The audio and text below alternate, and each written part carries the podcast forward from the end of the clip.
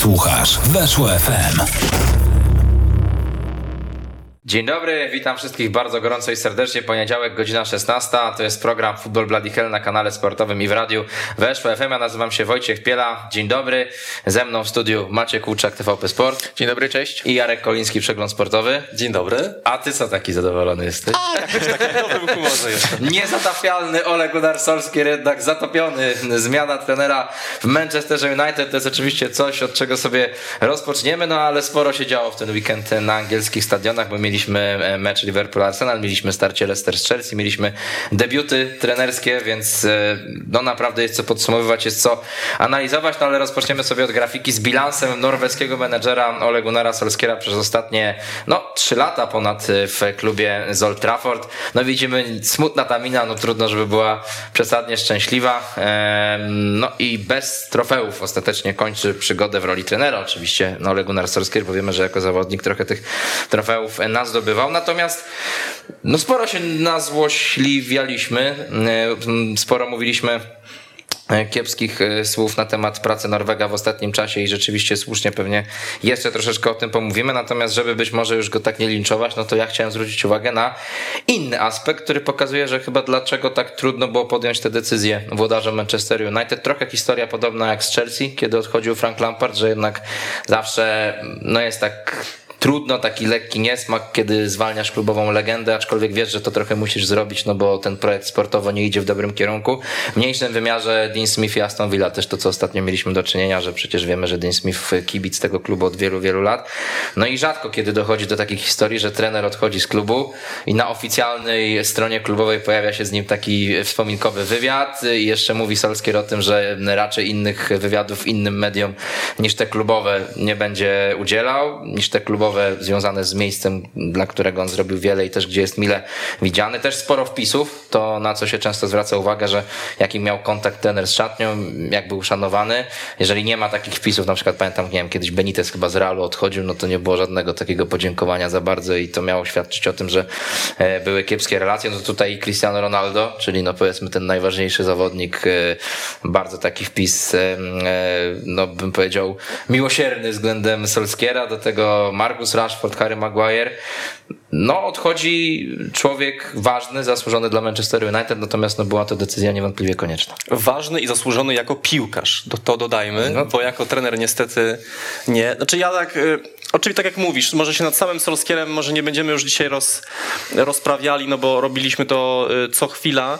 Y, powiem tylko, że to jest po prostu genera generalnie rzecz biorąc, to jest smutna historia. W tym sensie, że ja rozumiem władze Manchester United, że chciały mieć taką taką romantyczną historię właśnie, że były piłkarz obejmuje klub, y, doprowadza go do sukcesów. To wszystko fajnie brzmi. Natomiast niestety fakty są takie, że Ole Gunnar Solskjaer to jest dwukrotny mistrz Norwegii jako trener i nic poza tym nie wygrał. No na tej grafice, tak jak się zastanawiałem, co dopisać poza tych liczb, poza tymi liczbami, no to finał Ligi Europy, wicemistrzostwa no, Anglii, nic więcej. Finał Ligi Europy, który de facto był wielką porażką tak. Solskiera, bo to był ten, ten, to trofeum, które musiał zdobyć. To był jego obowiązek i tego, i tego nie zdobył. Natomiast y, wydaje mi się, że powinniśmy sięgnąć głębiej, jeśli analizujemy wszystko to, co się stało na, na Old Trafford i porozmawiać o tym, jak władze klubu zarządzają tym klubem, bo według mnie to się od nich wszystko zaczyna. I tam jest największy kłopot, że Glazerowie tak naprawdę pokazują, że nie mają żadnego planu, nie mają timingu na to, kiedy, kiedy trenera zwolnić, bo tych momentów na zwolnienie Solskiera było całe mnóstwo. I tak naprawdę oni uparcie cały czas brnęli w to, w to złe i nie potrafili się zdecydować. No ta porażka z Liverpoolem to jest jaskrawy przykład. Tutaj to, to już musi być zwolnienie trenera. Nie nastąpiło. No dostał Solskier trzy mecze na to, żeby poprawić sytuację i zgodnie tutaj przyznawaliśmy, że nie poprawił tej sytuacji, mimo wszystko został na stanowisku. I teraz tak, przychodzi przerwa na reprezentację, kiedy jest tak, to, jest taka, to jest taki naturalny czas na zmianę trenera, kiedy coś idzie nie tak, bo masz czas na znalezienie nowego trenera, plus ten trener ma czas, żeby trochę z tą drużyną popracować.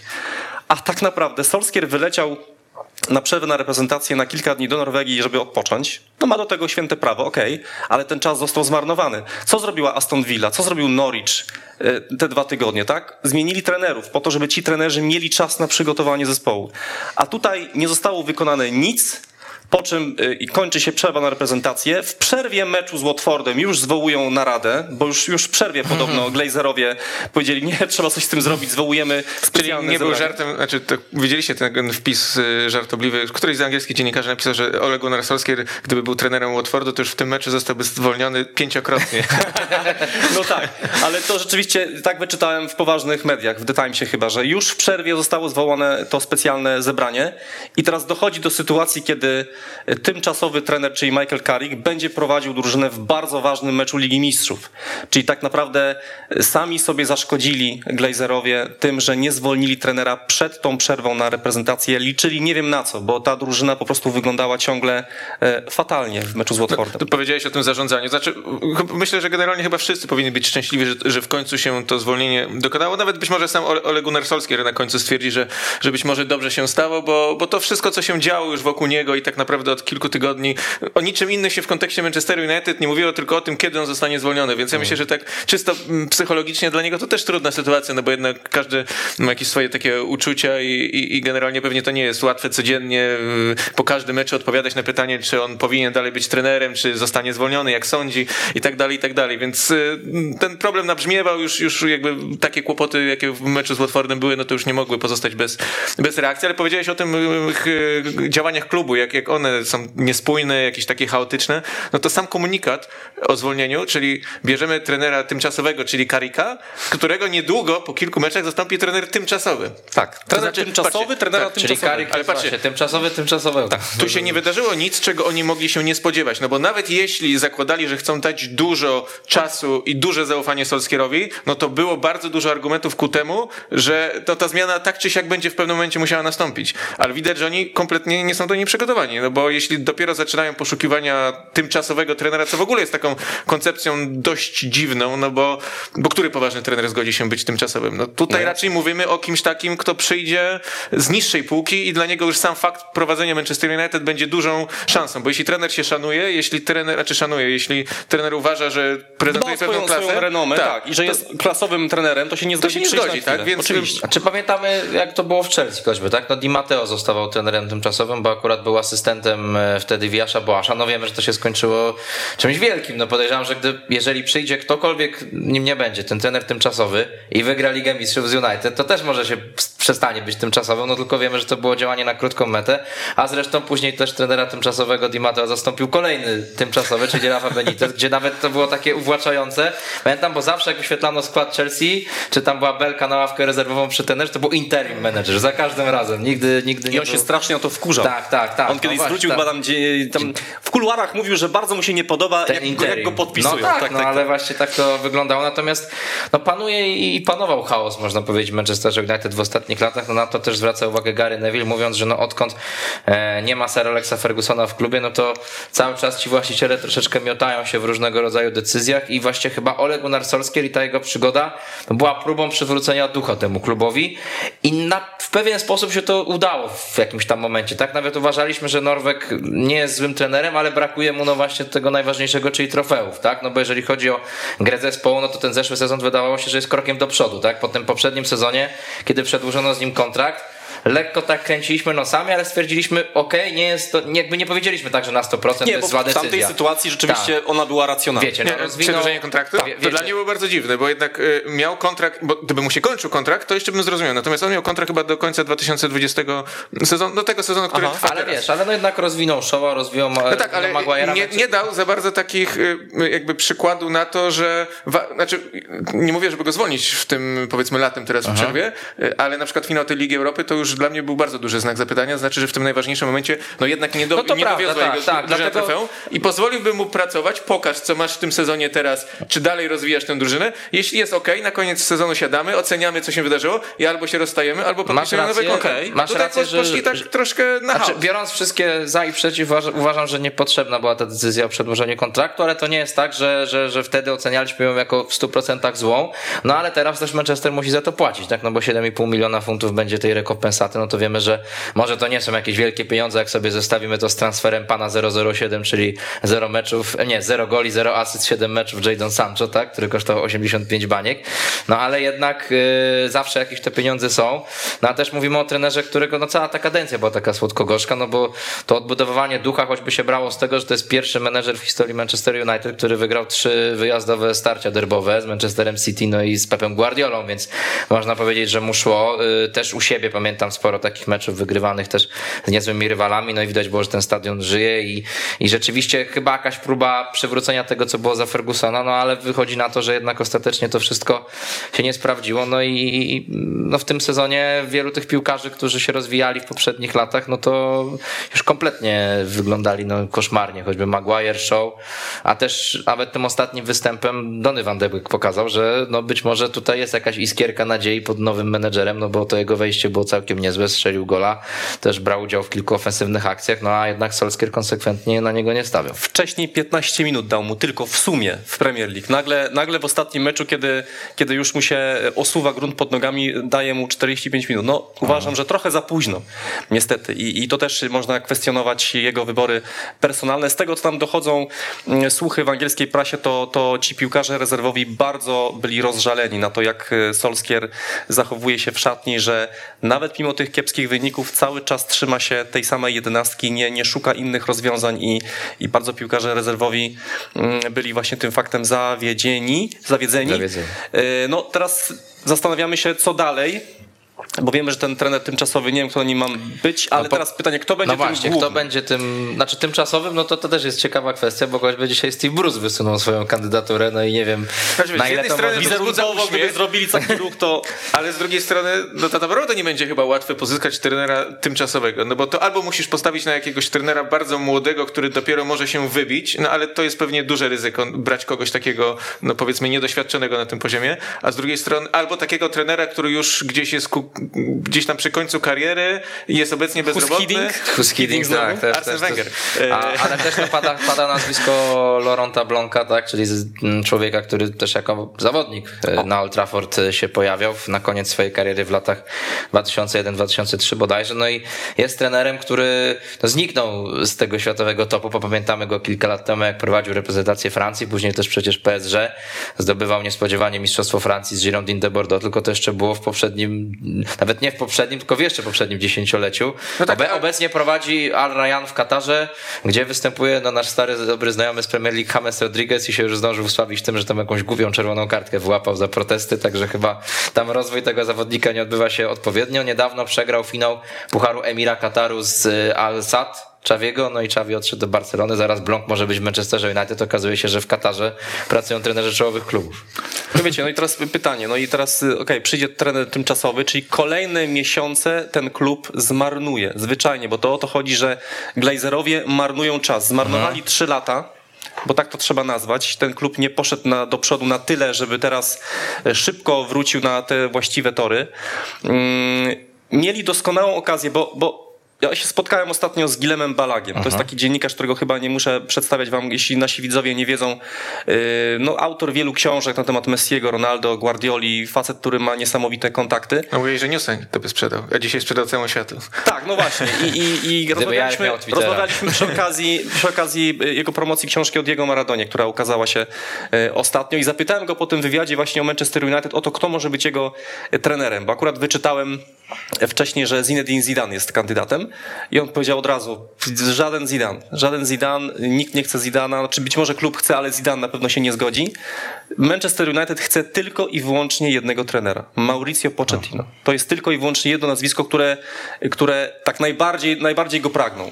I teraz słuchajcie, no, Pochettino byłby trenerem Manchesteru, gdyby, gdyby United nie ulegli tej takiej właśnie narracji, że ten Solskjaer musi być tym trenerem, latem 2019 roku, kiedy Solskjaer powinien skończyć jako trener tymczasowy, bo był zatrudniony tylko do lata 2019, wtedy po finale Ligi Mistrzów Pochettino y, był wtedy trenerem Tottenhamu, był gotów objąć Manchester United, tylko że Glazerowie już sobie ten ruch zablokowali, podpisując kontrakt e, z Solskierem. I Pochettino był przez następny rok bezrobotny. Siedział w domu, czekał na telefon. Glazerowie nie mogli tego telefonu e, już wykonać. Teraz go chcą, kiedy to jest trener e, PSG. Dochodzą takie sygnały, że Pochettino też jest otwarty na to. Wszystkie o tym media już teraz trąbią, więc to oznacza, że chyba musi to być e, I mocna wtedy na przykład byłaby być możliwa taka opcja, że Pochettino przychodzi już teraz, no i wtedy nie trzeba tego interim A wtedy trenera. No tak. Do PSG. Tylko no. teraz pytanie, co, co, się, co się wydarzy y, w PSG? Czy oni, czy oni się zgodzą na taki ruch? No bo najpierw to przede wszystkim PSG musi się na to zgodzić. A też nie wiem, czy klub, który ma ambicje wygrania Ligi Mistrzów w tym roku, bo co roku mają takie ambicje, Aha. nagle zgodzi się puścić trenera i zatrudnić kogo? Kto im teraz za, zapewni taki poziom gry, żeby PSG realnie myślało o wygraniu Ligi Mistrzów? No, to może być bardzo trudna operacja do wykonania. Dlatego mówię o tym, że wtedy, kiedy Pochettino był bezrobotny, można... Ale, na, ale, nawet, przecież, ale, ale nawet przecież te trzy tygodnie temu, tak? No mecz Tottenhamu z Manchesterem. Mówiliśmy tutaj w tym studiu, że to jest pyrrusowe zwycięstwo dla United. No tak, ale no Antonio Conte. No Antonio tak, Conte był do wyciągnięcia. Oni za bardzo tego Antonio Conte rzekomo nie chcieli, no, niby tak? nie chcieli więc, to, tak. więc to był też kłopot. Natomiast... No, ale to też pytanie o właśnie to zarządzanie, no bo ja mam takie przeświadczenie, że z tą kadrą Antonio Conte to nawet w tym sezonie mógłby jeszcze powalczyć e, o jakieś duże trofeum, być może nawet Ligę Mistrzów w lidze. No wiemy, że te straty są już spore, no ale 12 punktów, no to też nie powiemy, że to jest jeszcze koniec walki nawet o mistrzostwo, gdyby pewnie Manchester się zebrał, wygrał większość meczów do końca. Na pewno walka o czołową czwórkę cały czas jest otwarta w przypadku Czerwonych Diabłów, no ale tutaj wracamy do tego zarządzania i do kwestii choćby Eda Woodwarda. A to który... też nie, wiadomo, kto będzie w ogóle wybierał tego no, nowego mówi trenera. się, że on, że on ma właśnie wybierać, zarówno tymczasowego, jak i następnego i wręcz pojawiają się takie plotki, że on może zostać te kilka miesięcy dłużej. O, to świetnie, to super no, wieść. Właśnie, super wieść. E, ze względu na tę historię z Solskierem i też dlatego przedłużano, że jedna sprawa, no to ta, to bycie legendą, granie na uczuciach i tak dalej, i tak dalej, że ciężko, ale no druga sprawa, no to przecież to, że, że Woodward ma odejść z końcem roku, nie wiadomo, czy mm, wiadomo, że niby Richard Arnold tak ma go zastąpić, ale też nie wiadomo, czy on miał te decyzje Arnold w sensie podejmować, czy jeszcze Woodward, co tutaj zrobić, no i też pokazuje, że, że w Manchesterze no kompletnie nie byli przygotowani na tę sytuację, kompletnie nie mają planu i tak naprawdę e, to jest taki kolos trochę na glinianych nogach, no bo budowali te, ten zespół nieźle, transferowo, tylko co z tego, że jeżeli nie ma tam prawdziwego lidera, mam wrażenie, że i w szatni, bo Ronaldo nie wiem, czy takim jest, no na boisku rzeczywiście można powiedzieć, że jest, no bo sam parę meczów w tym sezonie dla United wygrał, ciągnął to na plecach. E, no ale choćby o Harrym Maguire'ze źle świadczy ta ostatnia historia z meczu z Albanią, tak? No mówimy o kapitanie Manchester United, no który ucisza kibiców po tym, nie, że Albanii znaczy, gola, a później mamy mecz z Watfordem, gdzie on łapie bezsensowną czerwoną kartkę, no to jest groteska, tak? To jest groteska, no i niestety tak wygląda ten obecny Manchester United. No oczywiście też się mówi o Rogersie, tak? Którego klauzula wykupu miałaby wynosić 8 milionów funtów, natomiast to pewnie gdyby tutaj tak 7,5 trzeba było płacić Solskierowi, jeszcze 8 wydajesz na Rogersa, no to to... Znaczy, dla nich to akurat nie kłopot. No pewnie tak, natomiast no Ale wiemy, że... pytanie, czy Rogers by chciał, bo coś mi się czy wydaje, wiesz co, że... wydaje mi się, że z Rogersem zaczyna być powoli taka historia w Leicester, też pewnie jeszcze może ze dwa słowa o tym powiemy, że on może sam trochę czuje, że dochodzisz do ściany, bo po tym ostatnim meczu z Chelsea nawet takie głosy, bo kibice ich wygwizdali, wygwizdali tak. no i on mówił, że to takie trochę brak szacunku, że pamiętajmy, że poprzednie dwa lata to my wyciągaliśmy wynik ponad stan, więc znowu jakby przyznaje, że mm -hmm. do tej pory tak nie mówił, że no raczej było, że konkurujemy, to że prawda, jesteśmy się tutaj, że się rozwijamy, a tutaj, że ponad stan, do tego dochodzą kontuzje, no tutaj trudno się z nim nie zgodzić, no bo rzeczywiście zespół przetrzebiony przez, przez urazy, no ale widać, że ten zespół Leicester w tym sezonie przestał się rozwijać, no i trochę to tak jak w przypadku Stevena Gerrarda, tak, w Rangersach, że no po osiągnięciu sukcesu, wypromowaniu się, mimo tego, że też zapewniał o swoim oddaniu dla tego klubu, no to gdy tylko pojawiła się Aston Villa, no to bardzo szybko to było załatwione, no tam podobno się nawet zapomniał pożegnać z drużyną, e, 2 miliony funtów i już się zastąpili, więc no wydaje mi się, że tutaj gdyby z tym Rogersem zadziałać, no to by się to mogło udać, tylko też nie wiem, czy to jest najlepszy wybór. Moim zdaniem lepszy jest Pochettino, tak? Znaczy... Ale też mamy ten Haga, tak, na tej liście nazwisk, tylko ten Hag, no to wydaje mi się, że jak najbardziej jedynie po zakończeniu sezonu, no bo pewnie teraz tak. za Ajaxem widzimy, jak on pruje w Lidze Mistrzów i wszędzie, więc no jest to nazwisko. Myślę, że w Manchesterze Lopetegi też się gdzieś przewijał, taki... ale to tak myślę, że raczej no blednie nazwisko Lopetegi przy Rogersie nawet. To, to jest taki moment, przy... w którym w Manchesterze United powinni postawić na jak najbardziej oczywistą opcję. Znaczy to już myślę, że nie jest czas szukania takich alternatyw, czy szukania takiego kogoś, a może on nam wypali, a może się okaże, że tutaj będzie dobrym trenerem. Znaczy ten Pochettino, nawet jeśli trzeba by na niego poczekać, y, no to na pewno byłby lepszym rozwiązaniem niż y, teraz zatrudnianie, znaczy no teraz będzie ten trener tymczasowy, więc no Znaczy ja bym zrobił właśnie wszystko, żeby nie było tego trenera tymczasowego. Dla mnie, jeżeli ten trener tymczasowy zgodnie z tym komunikatem zostanie zatrudniony, to jest kolejna kiepska decyzja, bo wręcz fatalna strona zarządu Przedłużanie Manchester United, przedłużanie wegetacji. agonii. Oczywiście. No i, i, Ale z drugiej i- strony, jeśli teraz będziesz wybierał ze wszystkich trenerów, którzy są dostępni, a oni raczej, y, no przynajmniej tak, jeśli... Okej, no jeżeli ci nie Chyba, wyjdzie- że uda się wyjąć trenera, który I- obecnie i- pracuje i tak. przyjdzie. Jeżeli No ci nie to wyjdzie, jeżeli ci nie moment. wyjdzie, tak, no musi to być z tych, co pracuje, tak? No bo z tych innych, no to Zidane ustaliliśmy, że raczej nie. No ale jeżeli Pochettino nie wypali, no to spróbowałbym z Brendanem Rogersem, a jeżeli nie, no to wtedy rzeczywiście można myśleć o tym tymczasowym, no bo wtedy rzeczywiście jakieś te opcje ci wybierasz mniejsze zło, tak? Ale jeżeli oni wybiorą tymczasowego bez próby ściągnięcia Pochettino albo Rogersa, no to uważam, że no kiepsko to nie To ja uważam, że lepiej byłoby poczekać na Pochettino niż zatrudniać teraz Rodgersa. Nie wydaje mi się to taki trener Tak, e, to zgodzę. skrojony pod Manchester United, który wzniósłby ich na poziom walki o No mistrzostwo. ale wiesz, mówi, no ale mówimy o Rodgersie, że to jest no, swoją pracą w Leicester jakby udowodnił, że zasługuje na kolejną szansę w tym klubie stopu, tak? Zgodzimy się czy niekoniecznie? Yy, tak, ja się zgodzę. Ja się Zgodzisz się Maćku? Nie do końca. To znaczy, Nie końca. nie w tym momencie, w którym jest Manchester United i nie w takich potrzebach, jakie ma. No, ale to znaczy, wiesz, nie pójdzie do klubu, który nie wiem, wygrał Ligę Mistrzów przed chwilą, raczej zawsze trenerów no Ale to ja patrzę z perspektywy klubu, a nie trenera. To znaczy, że Rodgers y, pewnie zasłużył, żeby się gdzieś lekko w górę może odbić, ale myślę, że Manchester United ma trochę inne teraz potrzeby i potrzebuje takiego fachowca z absolutnie najwyższej półki, czyli kogoś takiego jak Pochettino. No możliwe, no ja też uważam, że Pochettino jest lepszy niż Rodgers, natomiast no rozważam jakieś tam różne opcje i zobaczymy jak się będzie toczyć, natomiast no też takie, już kończąc ten temat, smutne przy okazji tego meczu z Watfordem jest to, że no te gwoździe do trumny wbijali zawodnicy, którzy w pewnym momencie zostali uznani za słabych na Manchester United, czyli Ben Foster, już nawet ta asysta, przecież więcej asyst ma niż Sancho, Craig Cathcart wystąpił, Tom Cleverley, Joshua King, no oni wszyscy w Manchesterze byli United, ale no ktoś... Kinga to przecież jeszcze chcieli ściągnąć z dwa lata temu. tak, tak, taki ale ktoś im w pewnym momencie powiedział, słuchajcie, wy tu już nie pogracie. No to oni, no to dobra, to pogramy z wami i strzelimy cztery brameczki. Cztery brameczki też Liverpool strzelił Arsenalowi i to jest kolejne spotkanie, o którym sobie pomówimy. Mamy grafikę przygotowaną z meczami Deret za kadencji Jurgena Kloppa na Anfield właśnie przeciwko Arsenalowi. No jak sobie za moment zobaczymy, nic dziwnego się nie wydarzyło, bo tylko remis na samym początku i to też dużo goli wtedy padało, 3-3, później już same zwycięstwa drużyny Kloppa, no i to dosyć wysokie.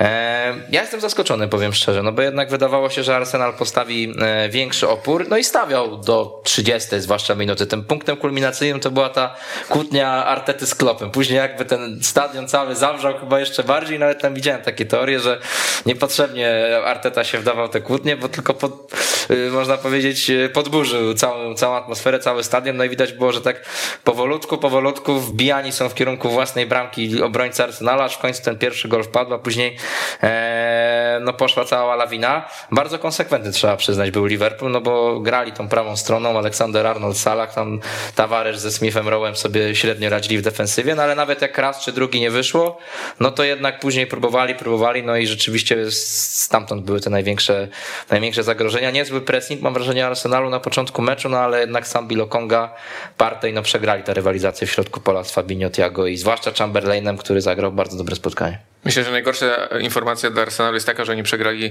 0-4, a najlepszym piłkarzem na boisku ich był bramkarz, więc to też pokazuje jakby mm, jak bardzo dominował Liverpool. Zresztą to było też widać w tej statystyce expected goals 3,4 3,41 do 0,31. To, to pokazuje, że w zasadzie Arsenal w żaden sposób nie, nie zagroził bramce Liverpoolu. I tak powiedziałeś, do tego momentu, kiedy się starł Klopp z Artetą przy linii bocznej, to, to był taki trochę senny mecz. Taki brakowało trochę w nim energii i, i Arsenal nie bardzo potrafił, tak Liverpool też nie wszedł jeszcze na te najwyższe obroty.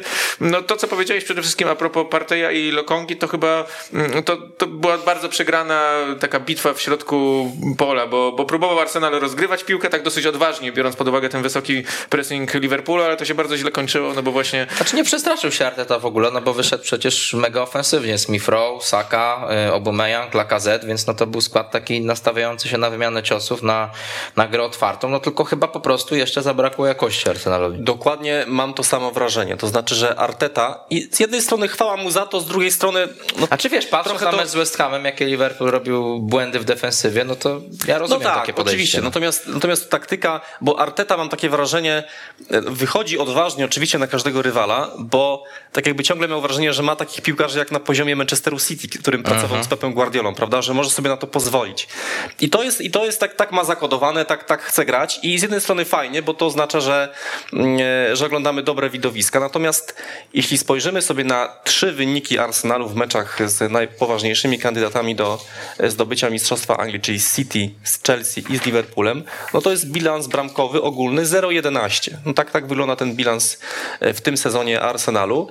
Więc trochę ta taktyka jest naiwna, to znaczy być może, być może gdyby w którymś z tych meczów zagrał bardziej zachowawczo, może zamurowałby bramkę, no to może jakiś punkt by uciłał. Arteta ma trochę inaczej. On chce po prostu atakować i ja go za to nie winię. Ale tak, to o czym mówisz, tak on y, robił na początku swojej pracy. Nie wiem, czy pamiętasz, y, jak zdobywali Puchar Anglii, jak Arsenal zdobywał w tym pierwszym roku jego pragmatycznie. pracy. Bardzo pragmatycznie. Oni wtedy To grali prawda. bardzo nisko, bronili na własnej połowie i w zasadzie opierali się głównie na kontratakach granych na Aubameyanga, bo tak wygrali i półfinał Pucharu Anglii i finał Pucharu Tak, Anglii na, na Wembley, więc wtedy faktycznie to był taki pragmatyzm, ale też jeszcze taka, taką ciekawą statystykę widziałem, że Arsenal w tym sezonie w 12 meczach tylko 7 goli strzelił z gry. To też pokazuje, że ta ofensywa w dużej mierze opierała się na stałych fragmentach gry, że jednak tej kreowania tych sytuacji też nie jest za dużo, mimo tych zawodników, których ty wymieniłeś, tak? No bo, gdybyśmy spojrzeli na nazwiska, to faktycznie sporo, sporo takich piłkarzy, którzy w ofensywie grać potrafią, no ale oni jednak tych sytuacji wiele nie tworzą. Zresztą ta, ta, ta liczba przy expected goals też pokazuje, no, że w zasadzie nie Alisson to był, był bezrobotny. No ale to też trzeba oddać Liverpoolowi, że to jest taka maszyna. Mnie się bardzo podoba w tej drużynie jedna rzecz, znaczy podoba się w sumie więcej, ale e, że oni, e, no bo mamy długi sezon, wiadomo, że są zespoły, które czasem odpuszczają, prowadzą 2-0, sobie okej, 2-0 i, i gramy na luzie, a oni prą po każdy kolejnego gola i to się w każdym kolejnym meczu, kiedy tylko mają okazję, powtarza. Jest 2-0, chcemy trzecią, jest 3-0, chcemy czwartą i jest 4-0, to chcemy piątą. No I to też widać tak było. zresztą w tabeli 35 strzelonych goli przez Liverpool, to jest najwięcej w tym sezonie ze wszystkich. Przecież tych meczów, w których oni strzelali powyżej trzech goli, albo trzy albo więcej, to jest mnóstwo, to już, to już to byśmy nie, nie, nie, nie zliczyli tak naprawdę, więc to jest bardzo fajne też dla kibiców, dla oglądających, że to nie jest taka drużyna, która prowadzi i już sobie gdzieś tam chce dograć ten mecz na spokojnie, a, a właśnie widać, że tam jest naprawdę dużo takiej energii, chęci do gry z przodu. Jeszcze dwa słowa, jeśli pozwolicie, o Arsenalu po, powiem, bo e, oczywiście Arsenal dostaje regularny oklep od Liverpoolu i to, to, to jest kolejna taka wysoka porażka, ale takie miałem wrażenie oglądając, że to jest, to jest taka porażka, z której i tak kibic Arsenalu nie musi się aż tak jak przygnębiać, nie musi się tak martwić jak w poprzednich latach, bo pamiętajmy, Arsenal ma najmłodszą jedenastkę w Premier League w tym sezonie. Tam jest mnóstwo bardzo młodych piłkarzy, którzy ciągle uczą się futbolu. Mm, Te gole, które tracili, no to wiadomo, jeśli weźmiemy Nuno Tavaresza, no to zrobił kryminał, to co, to co zagrał mm, podanie, ale właśnie to jest młody piłkarz, 20 chyba czy 21 lat. On takiego błędu być może już nigdy nie popełni, bo już się nauczy. I chodzi o to, że ci piłkarze takimi meczami też będą zdobywali to doświadczenie i kiedyś przyjdzie taki moment, kiedy przyjedzie Arsenal na Anfield i może nie dostanie czterech goli, tylko na przykład trzy. No być może, być może tak. Nie, będzie, wiecie będzie oczywiście, ale, ale chodzi, wiecie o co chodzi, Tak, że tak, oni no. potrzebują czasu, po prostu. I przede wszystkim są w dosyć dobrej sytuacji też w tabeli, y, więc jakby Tak. biorąc pod uwagę to wszystko, co się działo na samym początku sezonu, trzy przegrane mecze, teraz wydźwignęli się na piąte miejsce i nawet teoretycznie mogą myśleć o tym, żeby powiedzmy być w tej rywalizacji o top 4, tak? Bo są przed Tottenhamem, są przed Manchester United, oczywiście przed nimi jest West Ham, ale mm, no ten West Ham to, to nie wiemy, czy będzie w stanie tak grać równo przez cały Ostatnio zagrał sezon. bardzo źle.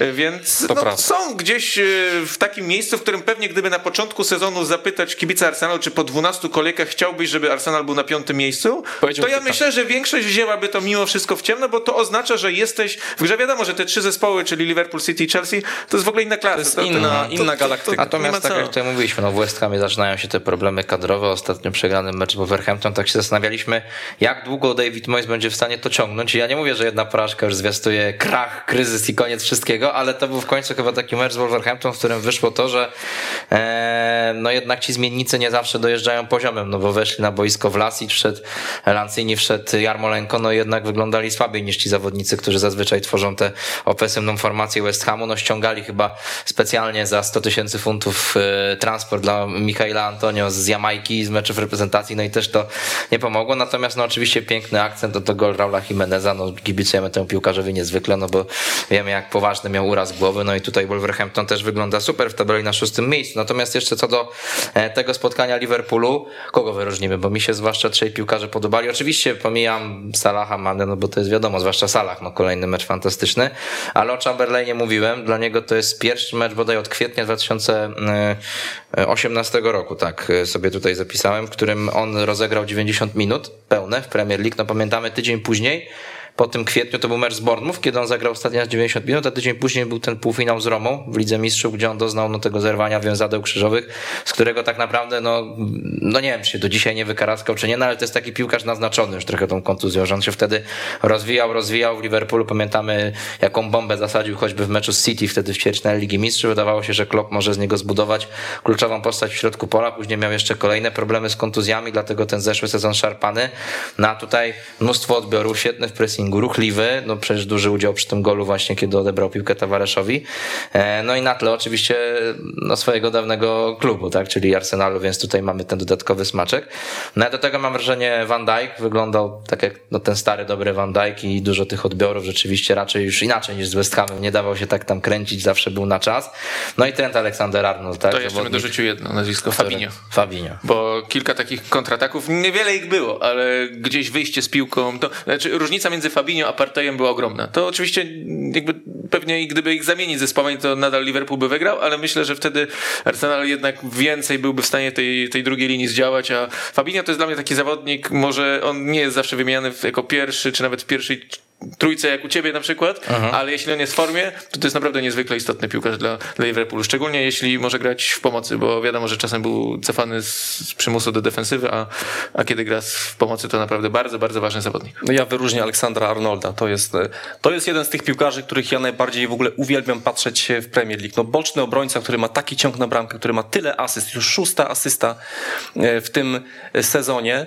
I zauważcie jedną rzecz, że te drużyny wielkie, te, o których mówiliśmy, że są poza zasięgiem innych, czyli Chelsea, Manchester City i Liverpool, taka ogólna, ogólna refleksja.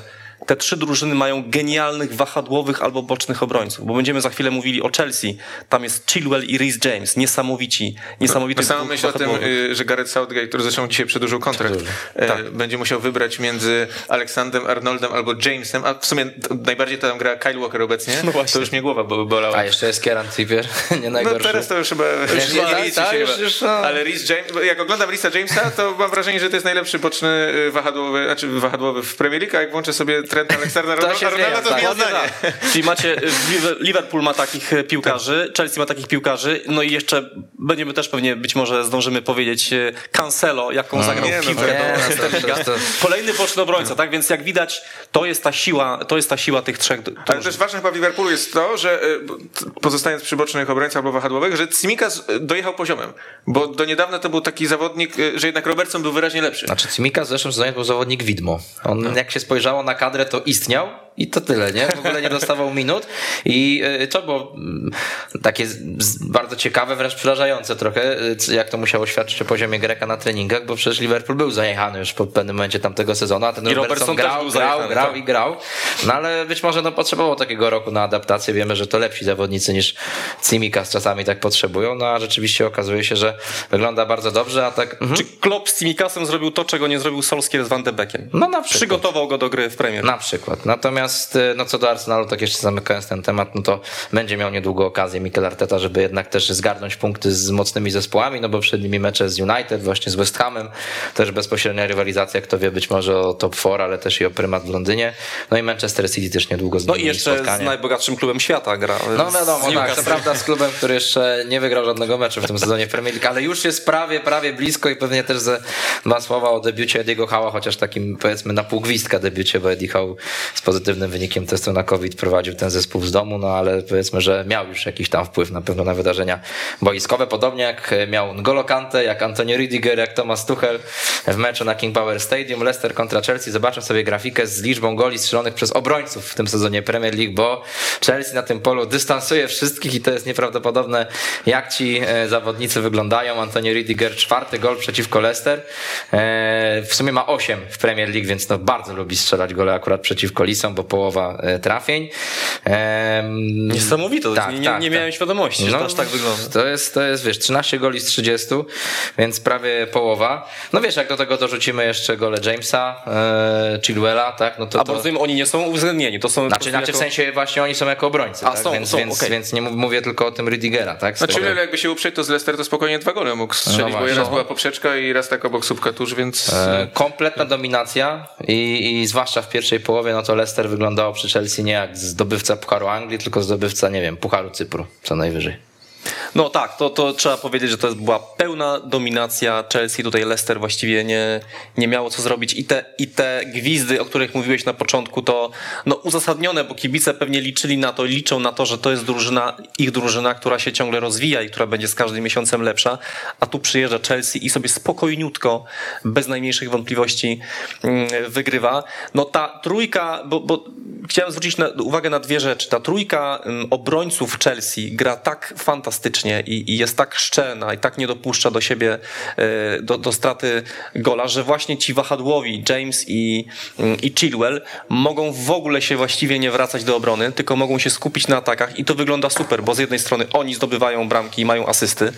James, słuchajcie, cztery gole i cztery asysty już w tym sezonie. Chilwell trzy gole i jedna asysta, być może miałby więcej, ale początkowo, e, początkowo nie grał. E, więc to, to, super wygląda. Ci się skupiają na, na ofensywie, zapewniają bramki. Ta trójka obrońców, która po prostu z Mendim razem y, zapewniają y, brak dostępu do własnego pola karnego i dzięki temu Chelsea wygrywa mecze. Maćku. Bardzo dużo zawodników Chelsea ma w formie. Y, Callum Hudson-Odoi wchodzi i gra naprawdę fantastycznie. No właśnie, bo... tutaj mamy pytanie nawet od Huberta Majewskiego odnośnie do Calluma Hudson-Odoia. Czy można powiedzieć, że Tuchel odblokował tego zawodnika? Myślę, że już chyba tak, no bo to też jest ciekawa historia, bo on rezygnował z powołań do młodzieżowej reprezentacji, aby hmm. zostać w klubie i popracować, no i wychodzi na to, że rzeczywiście mu to wyszło na plus. Taki zawodnik, yy, mam wrażenie, trochę dojrzał i przede wszystkim dużo więcej widzi na boisku, bo czasami to było tak, że on grał pod siebie, że trochę było takiej gry efektownej, ale nie do końca efektywnej, mhm. a teraz yy, choćby w meczu z Leicester, gdzie, gdzie naprawdę bardzo, bardzo dobrze zagrał, yy, cały czas głowa w górze, cały czas gotowy gotowy do gry z kolegami, cały czas gotowy do, do tego, żeby te akcje napędzać, więc no, na pewno kolejny zawodnik, y, no, który właśnie zgłasza akces do takiego no, najmocniejszego pierwszego składu. No ale patrzcie, wchodzi Ziyech i Pulisic i oni grają znów Robią też gola obaj, tak. Też fantastycznie, więc naprawdę ta liczba piłkarzy, z której może skorzystać e, Tomasz Tuchel jest, jest bardzo duża, no i y, jakby mm, obojętnie na kogo nie postawi, to naprawdę bardzo dobrze wygląda. Trevor Szalobach w obronie. To gdybyśmy Odkrycie, na, nie? Gdybyśmy na początku sezonu rozmawiali, to pewnie nikt z nas nawet by tego chłopaka nie za bardzo Szalobach znał. to byśmy kojarzyli tak, Natania, dokładnie. Nie? A to jest zawodnik, który nie tylko bardzo dobrze broni, ale y, zwróciłem uwagę na jego świetne wyprowadzenie piłki, bo on naprawdę te... On zresztą chyba nawet kiedyś w którymś meczu Chelsea wszedł i grał na pozycji defensywnego pomocnika, tak, co też pokazuje... we Francji tak grywał czasem. Co pokazuje, że on z tą piłką radzi sobie przy nodze bardzo dobrze. Kilka, chyba z dwa, trzy prostopadłe podania też w meczu z Leicester groźne y, zagrał, więc y, no, na pewno Chelsea jest w porównaniu, tak jak sobie pewnie rozmawiając w kontekście powiedzmy walki o mistrzostwo, no to w porównaniu na przykład do takiego Liverpoolu, no mają znacznie szerszą kadrę i dużo większe możliwości, bo, bo jeśli tam, tam cały czas w sumie są problemy z kontuzjami, tak, bo nie ma Wernera, nie ma Lukaku, ale cały czas Chelsea w zasadzie potrafi tych piłkarzy zastępować i jeszcze ma z ławki kolejne możliwości, bo, bo jak wchodzi Pulisic i Ziyech, oni obaj naprawdę, znaczy myślę, że najlepszą obrońcą Leicester w ogóle w tym meczu to był sędzia liniowy, on chyba z trzech goli nie. Mhm. Tak. No to Gdyby prawda, nie on, tak, to tak. podnoszenie chorągiewki, to tam... Ale co do Rudigera też wiemy, ciekawa sytuacja, no bo jemu latem wygasa kontrakt, są pewne rozbieżności finansowe, podobnież on sobie życzy 190 tysięcy funtów tygodniowo, Chelsea chce mu zaoferować 130. E, no, wypada mieć nadzieję z perspektywy zwłaszcza kibica Chelsea, że gdzieś spotkają w połowie drogi, bo mm, no mimo tej szerokości kadry, no to wiemy, że też Thiago Silva, chociaż on cały czas no, wygląda jak profesor niesamowity, no ale też młodszy nie będzie, 37 lat, no to pewnie szkoda by było takiego obrońcę stracić. No to nie są moje pieniądze, więc ja powiem, powiem, powiem Gdybyś mu 250 dawać mu ile chcę. Tak, bo rzeczywiście on po prostu spisuje się fantastycznie i w ogóle zauważcie, że nie tylko Rydiger jest nie tylko po prostu dobrym obrońcą, ale też świetnym nauczycielem Szalobacha. Razem z Jago Silvą. On trafił, mówię o Szalobachu, na doskonały uniwersytet, jeśli chodzi o naukę gry obrońców. Ma tak dwóch dobrych, doświadczonych, starszych obrońców, o których się naprawdę może uczyć i brać garściami, więc Rydiger naprawdę no też mam taką nadzieję i myślę, wydaje, że, że, że dojdą do porozumienia. A propos takiego dysponowania swoimi pieniędzmi, gdzie kontrakt dla Pogby, tak? O, gdzie jest Pogba? A gdzie jest w ogóle Pogba? Zniknął, tak, po tej czerwonej Na kartce. trzy miesiące no nawet podobno wyleciał. I to też mi się wydaje może być kluczowe. Gdyby, gdyby dostał takiego nagle Pochettino w Manchesterze Pogba, może by się zastanowił, czy warto podpisać kontrakt. Być A jeśli będzie Karik, Niekoniecznie. No właśnie, co do Leicester jeszcze, no wiemy co nas czeka w czwartek i tak już abstrahując od tego jak się zaprezentuje Legia Warszawa, no to widzimy, że Leicester też nie jest w najwyższej formie, teraz tam ta kolejna kontuzja Tilemansa, no to jakby miało, mało miał tych problemów Brendan Rodgers, no to dostał jeszcze kolejny, bo no to był chyba najlepszy środkowy pomocnik w tym sezonie Leicester. Madison mm, są przebłyski, ale to są takie naprawdę lekkie pykania, tak jak nie wiem, się wolno gotuje, nie wiem, mleko na gazie, no to tam pyknie raz na pół minuty albo nawet rzadziej. Sumare i Indidi, Indidi też mam wrażenie trochę zjazd formę tego zawodnika. Sumare od początku mi się wydaje raczej jako taki gracz, który może regulować tempo gry, ale też no nie napędzi tego ofensywnie, no i też ten jego powrót za kantę, no to widzieliśmy wszyscy jak wyglądał. E, no i na pewno gdyby Legia była w lepszej formie, no to byśmy jej szans nie odbierali w starciu z Anglikami, no bo oni też no zdecydowanie tutaj ten rozwój Lisów nie idzie we właściwym kierunku. To czy jest jedna recepta dla Legii? Trzeba tę defensywę Leicester napierać, napierać, napierać, ponieważ jest to defensywa, która popełnia mnóstwo błędów. To jest przecież drugi czy trzeci najgorszy wynik, jeśli chodzi o stracone gole w Premier League. Mniej, więcej goli stracili tylko Norwich i Newcastle, które mają, które są na, na dwóch ostatnich miejscach w tabeli. Także oni są skłonni do popełniania błędów, tylko trzeba ich do tego błędu zmusić. I jest jeszcze jedna taka ciekawostka, która też daje jakieś szanse Legii, to są stałe fragmenty gry, a najbardziej rzuty rożne. No patrz, teraz stracili identycznego gola, jak stracili z Arsenalem, którego strzelał Gabriel. W zasadzie wypisz, wymaluj to samo. A widzisz, a tu nie zwróciłem na to uwagi. No i tak, no i, i teraz... Kalka nawet z tego samego rogu doświadkowania było. A no właśnie i i chodzi o to, że od, licząc od poprzedniego sezonu, od początku poprzedniego sezonu, Leicester straciło 15 goli z rzutów rożnych. Nie ma drużyny, która ma więcej w tym samym okresie. Także, a wiadomo, polskie drużyny na czym mogą, y, czym mogą. No nawet Legia to chyba. Stałe fragmenty ja, i przy, konterka. przy, przy, przy, tym wszystkich, co złego można mówić o grze Legii, no to tam stałe fragmenty. Nawet wczoraj z górnikiem strzelili gola i jakieś tam no największe właśnie. zagrożenie stwarzali ze stałych fragmentów. Więc, więc no, dajemy jakieś tam szanse, no, szanse ale niewielkie. No ale wiadomo, tak, jaka jest sytuacja. E, dobrze, słuchajcie, myślę, że teraz e, troszeczkę e, czasu nam zajmie, żebyśmy się skupili na trzech drużynach, które mają nowych trenerów, bo sporo ciekawych wniosków zarówno na temat Aston Villa, Norwich i Newcastle. Zaczynamy sobie od Willi, od Matiego Kasza, od Jakuba Modera, bo obaj reprezentanci Polski brali udział w meczu Aston Villa z Brighton. E, piękna grafika, którą sobie też pewnie za moment pokażemy, właściwie wycięty tweet z oficjalnego konta Aston Villa, ale Steven Gerrard cieszący się po tym zwycięstwie i, i napis, że witamy ponownie w Premier League, no to takie wspomnienia odżyły. 2 do 0. No i zaczyna się taka nowa era Willi, sporo takich też zapowiedzi e, ciekawych, ambitnych ze strony Gerarda o tym, że no, to jest klub, którego miejsce jest w europejskich pucharach i czy w tym sezonie, czy w następnym, no to będę chciał go przywrócić. No i już widzieliśmy w tym meczu parę takich charakterystycznych dla zespołów, czy zespołu Gerarda, no bo na razie prowadził jeden sytuacji, czyli wysoki pressing bocznych obrońców, zejście z boku do środka Olega Watkinsa, go strzelony goli. Prawda, fajnie się to oglądało. Z tych meczów, bo to był mecz w sobotę o 16, to właśnie wybrałem sobie to, to spotkanie, żeby na żywo obejrzeć, bo też mnie ciekawiło, jak właśnie Steven Gerrard y, zadebiutuje i czy już będzie widać dużo jego pracy. No przede wszystkim zmiana ustawienia, bo grał Dean Smith trójką środkowych obrońców a, i, i wahadłami. Y, tutaj powrót do gry czwórką, co chyba troszkę ustabilizowało też grę w defensywie, no bo wreszcie Aston Villa nie straciła gola, co było ich dużym atutem w poprzednim sezonie, a w tym jednak tych, tych go, te gole tracili dość, w dość dużej liczbie. Natomiast tak muszę szczerze powiedzieć, że nie zachwyciła mnie Aston Villa w tym spotkaniu. Znaczy trudno oczekiwać, żeby oni nagle po kilku dniach spędzonych ze Stevenem Gerrardem nagle e, jakby prezentowali się odmienieni o, mm, od 180 stopni. Natomiast e, no, w końcówce wydarli te, te dwa gole, bo, bo to w zasadzie bardzo dobre podanie chyba e, Janka do, mm, do Oliego Watkinsa. W sumie taka indywidualna akcja Watkinsa zakończona efektownym strzałem i, i tutaj na pewno należy się, należą się duże brawa, ale no to na pewno nie był taki jeszcze zespół na, na miarę tego, no, jak go widzi Steven Gerrard. Zresztą no, trzeba się pewnie liczyć z tym, że, że jeszcze przez przynajmniej kilka tygodni, jak nie dłużej, nie, nie będzie. A jak się podobał Jacob Ramsey, bo widziałem. Właśnie dobry. to jest piłkarz, mhm. który bardzo zastanawia mnie, jak go rozwinie Steven Gerrard, bo to... Ta sama pozycja. Tak, nie? to no. był chyba piłkarz, który najbardziej mi się podobał i on ma 20, 20 lat, lat, więc to jest naprawdę zawodnik, którego będzie trzeba obserwować, jak pracować z nim będzie Steven Gerrard, bo ogromne możliwości, bardzo fajnie wygląda i, i jest takim właśnie zawodnikiem, który dużo polotu do tej mm, drugiej linii Aston Villa może wnieść, no bo mamy Magina, ale Magin to jest raczej taki zawodnik opierający się na pieganiu, na gdzieś odbiorze, strzałach z dystansu, ale u niego samej takiej gry, kreatywności aż tak dużo nie ma. Jest na kamba, ale to też jest raczej taki bardziej defensywny niż ofensywny pomocnik.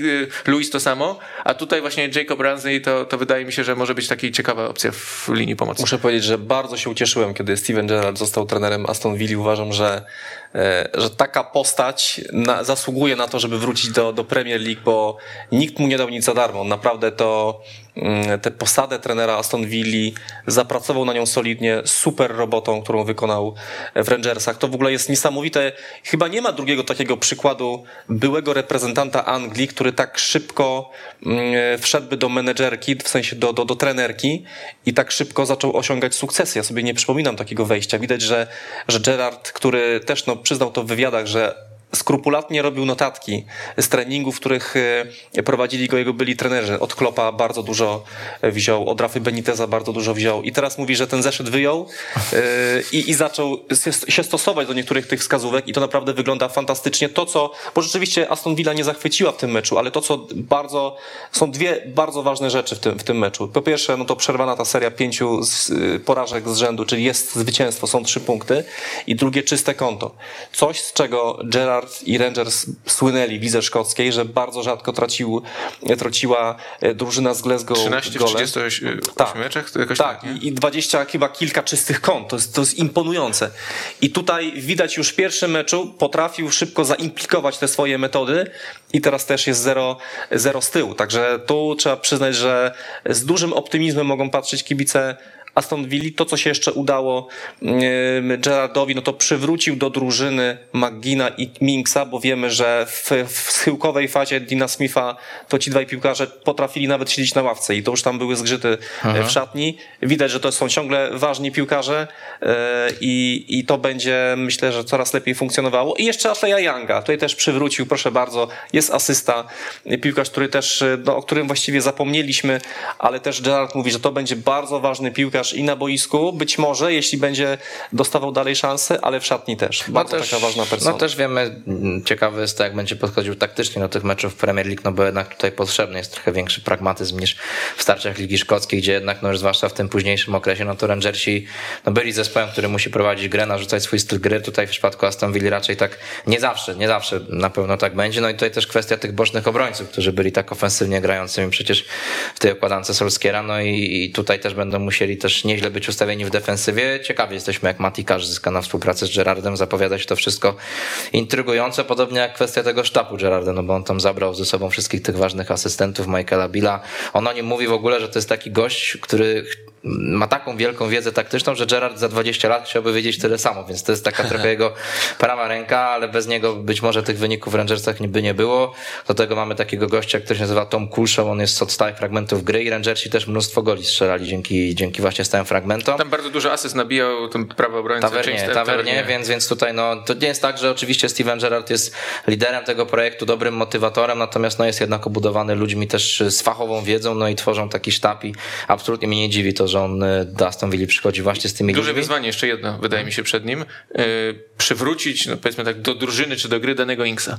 Bo to był tak, słaby mecz. Inksa ściągnięty w, w, trakcie spotkania. Ale również Błędije. Wydaje mi się, że mimo wszystko to jego wejście do klubu z, Villa, e, z Villa Park mało inwazyjne, na pewno więcej się spodziewali kibice Aston Villa. Biorąc pod uwagę to, co ten zawodnik prezentował w Norwich, o którym też teraz chwilkę pomówimy, zwycięstwo 2 do 1. No kibice Kanarków nie przyzwyczaili się do dwóch zwycięstw z rzędu. Ich pupili w Premier League, bo ostatni raz taka historia miała miejsce w 2016 roku. Wtedy spadli z Premier League. Na pewno by chcieli teraz tego uniknąć, ale no też odkurzył niektórych zawodników. Mówiłem tutaj nawet niedawno w studiu o Todzie Cantwellu, no to pojawił się w pierwszym składzie. Nie zachwycił, ale zachwycił Billy Gilmour, który e, też zagrał, asysta przy golu Hanleya. E, no i zwycięstwo Southampton. Pierwszy raz wygrali, kiedy przegrywali od 36 spotkań, więc to dla nich też na pewno taki ważny moment, chociaż y, byłbym bardzo ostrożny, bo też obejrzałem sobie, y, nie widziałem całego spotkania, takie obszerny, y, obszerny skrót. No to nie wiem, czy byli dużo lepszą drużyną, to znaczy przepnięty trochę taki mecz. Nie wiem, czy to, znaczy, żebyśmy nie ulegli złudzeniu, że nagle Norwich zyskał jakąś ogromną szansę na utrzymanie, w ogóle to oni zaraz się z tej strefy spadkowej wykaraskają, aczkolwiek dwa zwycięstwa z rzędu i jak tak sobie spojrzałem w tabelę, ostatnie Newcastle, nie Norwich, to, to mimo wszystko Y, taki, taka sytuacja niespotykana jeszcze i pewnie mało kto to przewidywał, ale co do mm, Norwich jeszcze, no to, to na pewno dobrze widzieć tam właśnie Billy'ego Gilmura, to o czym powiedziałeś, bo to był taki zawodnik, jeszcze pamiętam z Euro, choćby w meczu Anglia-Szkocja, to, No, to tam match, tak. fantastycznie grał, grał Billy Gilmour i, mm, i to na pewno no, dobry początek, to nie wiem, czy dzisiaj widzieliście w, chyba w, na koncie Bean Sport był taki Na Twitterze? fragment. E, Tak, na Twitterze, tak, tak, ale może na Facebooku też, bo nie wiem, nie patrzyłem. Na Instagramie. Ale to teraz jest znany Instagramowicz. Okej, okay. był, tak, był fragment wywiadu z Johnem Terrym a propos Dina Smitha. Znaczy, pytań tam było więcej. Skracając tam historię do, do niezbędnego minimum, on y, w takich słowach y, powie, znaczy, opowiedział taką historię, że kiedy był jeszcze asy- asystentem Dina Smitha w Aston Villa, to podczas jednego z treningów wziął jakiegoś piłkarza i go tak dosyć mocno objechał, powiedzmy, że y, nie podobało mu się, jak tam pracuje w treningu, jak to wygląda i następne, czy tego samego dnia, czy, czy następnego powiedział ten Smithowi i że tam ten dostał no, ode mnie solidnych kilka słów, a, a Smith go tak objął i powiedział, rozmawiaj z nim o, o co jego w domu, jak się czuje, czy, czy może są jakieś kłopoty, czy następnego dnia Terry zaprosił tego piłkarza, nie wymienił chyba jego nazwiska, gdzieś na śniadanie, żeby porozmawiać i okazało się, że właśnie, no, to jest lockdown, że on nie ma kontaktu z rodziną, że jego dziewczyna czy żona urodziła dziecko, on tego dziecka jeszcze nie widział, dużo, dużo takich kłopotów i powiedział, że dopiero wtedy zdał sobie sprawę, yy, otworzył mu oczy Dean Smith na to, że trzeba być nie tylko trenerem, ale człowiekiem i, i to też chyba dużo, dużo mówi o tym, jaki Dean Smith jest właśnie, nie, że tylko pochwalił Terego dobrze, że go tam No no tak, mu co trzeba, taki tylko lojalny bardzo, bardzo dużo patrzy na taki, taki ty, też yy, na, na, nie tylko na piłkarza, ale na człowieka. Ale rzadko się zdarza, żeby trener po opuszczeniu jednego klubu tak szybko brał Mhm. kolejny, prawda? Często jest tak, że oni sami, ci trenerzy, mm, wolą trochę odpocząć, I to jeszcze ten sam rywal. A no właśnie, dokładnie tak. Więc y, to, to rzeczywiście mnie zaskakiwało. Chyba, chyba mocno zabolała Dina Smitha ta, ta, ta dymisja z Aston Villa. Po prostu chciał szybko wrócić do pracy, żeby o tym nie myśleć, tylko po prostu dalej, dalej pracować. Chciał, chciał ciągle czuć ten wigor. Mm, I, I zrobił w tej przerwie na reprezentację coś, co każdy trener powinien zrobić. Czyli właśnie coś zmieniasz, zauważasz to, czego twój poprzednik nie widział. I ten Billy Gilmour jest idealnym na to przykładem. Facet schowany do zamrażarki przez sześć kolejnych spotkań był albo na, na ławce, albo na trybunach i nagle go przywraca do składu, a on gra fantastyczny mecz. I tutaj znowu nie chcę się już wyzłośliwiać i, i, i cały czas krytykować Solskiera, ale tego właśnie zabrakło mi u Norwega, żeby coś przez te dwa tygodnie zrobił takiego, żeby widać było, że coś spróbował naprawdę zrobić. No też Stuart Weber, czyli dyrektor sportowy Norwich, no był fanem talentu e, Smitha jeszcze kiedy pracował, w sensie Weber w Huddersfield, e, czyli to było chyba z 6 lat temu. Wtedy nie dał rady go wyciągnąć, bo Smith pracował w Brentford, później trafił do Aston Villa i y, no też z tego względu mm, e, no wybrał, wolał jego kandydaturę chyba nawet e, bardziej niż Franka Lamparda, z którym też rozmowy podjęto, no ale Lampard podobno, kiedy właśnie dowiedział się, że ma rywalizować ze Smithem, to tak nie bardzo chciał to robić, no i po prostu potem jakoś chyba się nie odzywał, urwał się kontakt, no bo jednak wy, wyczuł, że chyba Weber bardzo chce. To było tak, że Lampard był faworytem Webera, no ale kiedy się dowiedział, że Smith jednak jest w stanie y, pod, gotów, jest w stanie podjąć i jest gotów tak szybko nową pracę, to od razu podjął też z nim rozmowę, mimo tego, że tam z Lampardem jakoś był po słowie, no to tutaj nagle ten Smith wjechał i, No właśnie, i, i swoją drogą to jest ciekawa sprawa. Frank Lampard, który, który ciągle jest bezrobotny po odejściu z Chelsea, to już któryś raz, kiedy czytamy, że był rozważany jako poważny kandydat i sam się z tego wyścigu Tak, to Crystal wycofał. Palace Crystal było? Palace było i gdzie jeszcze w Aston Villa też chyba było, czy nie? był W sumie wymieniany. nie, wy- był wymieniany, ale, Ale generalnie jestem chyba ciekawy, o jak, jakiej pracy oczekuje Frank Lampard, że tak sobie pozwala na odrzucanie. Z jednej strony ma do tego pełne prawo. Może myślał, że odezwał się włodarze Newcastle, ale niestety dla niego odezwali się do Ediego Howa. No i mieliśmy wybuchy pościgi w tym pierwszym meczu. Jeszcze oczywiście nie było go na ławce, był Justin Tyndall, Graham Jones, 3 do 3, remis z Brentford. No i zwiastuje to być może cuda na St. James's Park, bo że Ellington zagrał w końcu dobre spotkanie, strzelił gola, miał jeszcze jedną sytuację, dobrze operował za plecami Wilsona. E, 40 milionów funtów, pamiętamy, ta cena e, no, ciąży na Ellingtonie i pewnie jeszcze trochę Powiem będzie, tak, moglibyśmy będzie zrobić ciążyć. taką sondę, co było głupsze, kupić z Jolintona za 40 czy Alexa Iwobiego za 35. Tak. To byłaby naprawdę rywalizacja na wysokim poziomie. No i też, też fajne takie manewry taktyczne, no bo zaczęli trójką z tyłu, potem przeszli na czwórkę, wszedł choćby Ryan Fra- Fraser, który też zaliczył asystę przy golu Sam Maximena, który pozwolił wyrównać.